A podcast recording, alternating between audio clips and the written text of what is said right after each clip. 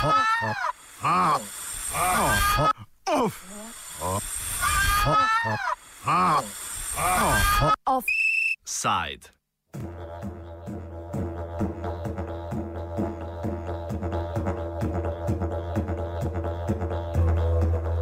V Offsideu smo že poročali o tem, kako brazilska vlada skuša omogočiti preživetje staroseljskih skupnosti v porečju Amazonke. Danes pa pogled obračamo v Peru, kjer imajo 70 odstotkov perujskega amazonskega ozemlja v najemu različni giganti, ki se brez oziranja na staroseljske skupnosti ali okoljevarstvena tveganja okoriščajo s črpanjem naravnih virov in kako jim pri tem še dodatno pomaga perujska vlada. Ta je odobrila širitev kontroverznega projekta Kamiseja in sicer na področje, kjer živijo amazonske staroseljske skupnosti, natančneje v rezervat Nahuananti. Ta je poleg vsega še tamponsko območje nacionalnega parka Nanu, ki je pod UNESCO-vo zaščito. Na veliko nesrečo staroseljskih skupnosti se v rezervatu Nahuananti nahajajo velika polja zemeljskega plina in posledično tudi največji energetski projekt Peruja, Kamiseja.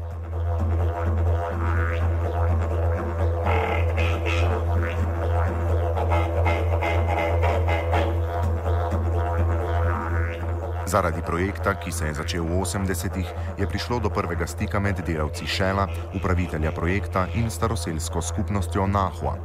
Ker pripadniki lete niso imeli razvite imunitete na bolezni, ki so jih seboj prinesli Šelovi delavci, je polovica skupnosti preminila.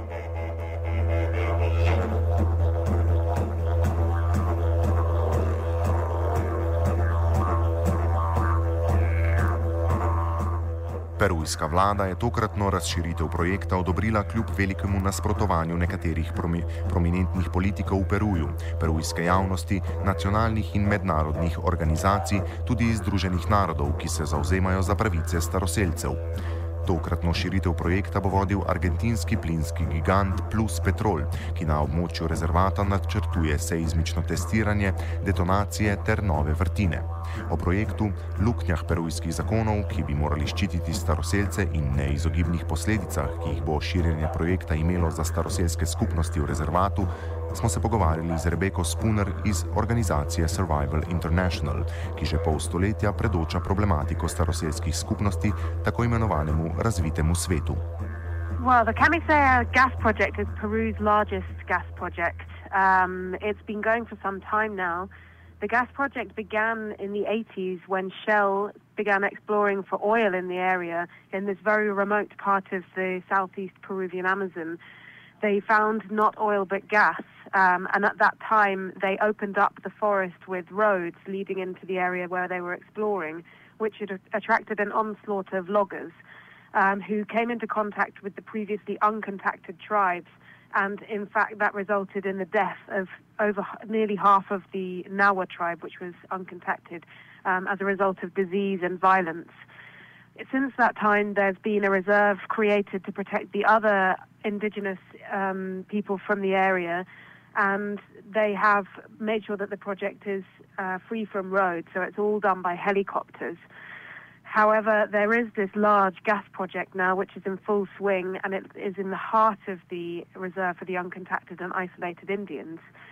And the government has now planned to um, expand the Camisea gas project even further into the Indians' territory, which is obviously a huge danger for these isolated and uncontacted people who have no immunity to diseases brought by outsiders and who completely depend on the forest for their survival. So, survival has been campaigning against the expansion of the project. Unfortunately, it has just been given the green light by the Ministry of Mines, and so the expansion is imminent. Um, I have a question in regards to the ILO Convention 169 yeah. That Peru has ha- that, that, that Peru has signed, but also the country of Peru has its own internal laws that are supposed to protect indigenous communities. So, what are the consequences if they surpass this law, if any? Well, the problem is, is that there are these. There is good legislation in Peru protecting indigenous people's rights, and there is in fact a law that is specifically created to protect uncontacted Indians' rights. Uh, and that grants them the rights that are enshrined in the ILO 169 and also the UN Declaration on the Rights of Indigenous Peoples, which grant Indigenous peoples the right to their lands and their lives and to make decisions about projects that may affect them. Unfortunately, there's a loophole in Peruvian law which says that if uh, a resource is considered of national necessity, for example, they're saying the gas is um, a national necessity in Peru, they can go ahead and explore there anyway. So they are trampling on the indigenous people's rights and the laws that they put in place to protect them by using these other laws saying that it's for the benefit of the greater population and therefore they can go ahead with the project at the expense of the lives of a, of a minority. So how will this expansion actually look like? What what is in, in plans? Well, it's going to be seismic testing, which is effectively cutting uh, mile upon mile of um, forest away in these lines, and then they put explosions underneath the ground. So they detonate explosive devices. They'll be um, exploding thousands of these devices.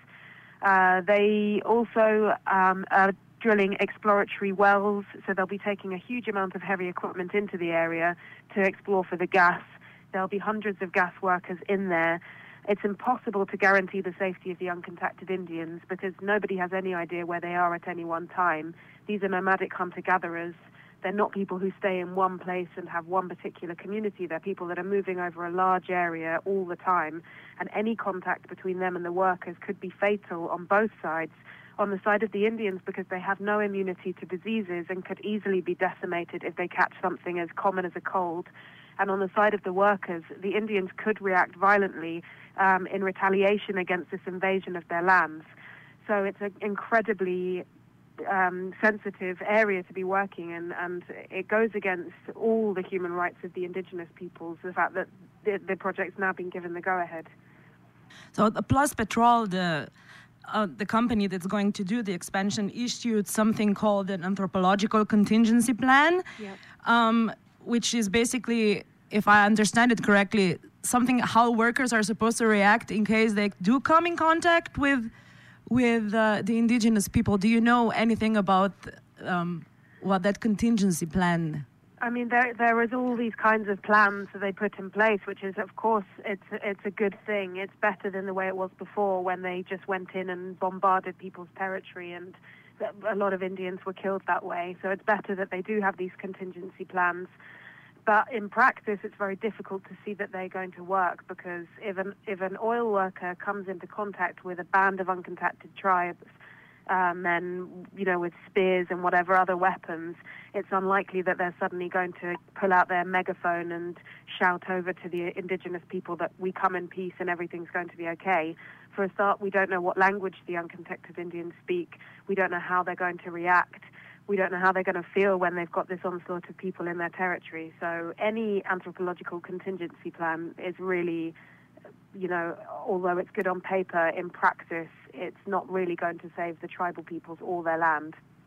How do you comment on the fact that Pluspetrol has stated that actually that their satellite imagery shows that there's no nomadic people in the reserve?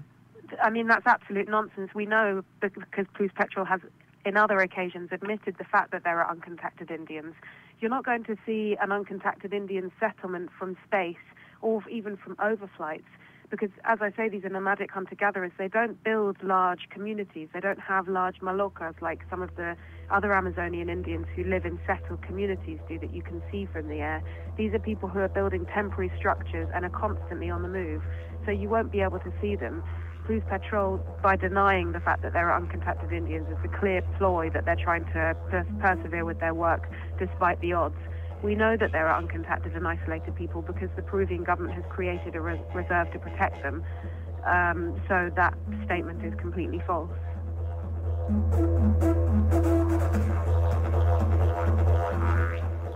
Z Rebeko se je o temnih dneh, ki čakajo perujske staroseljce, pogovarjala Anuša.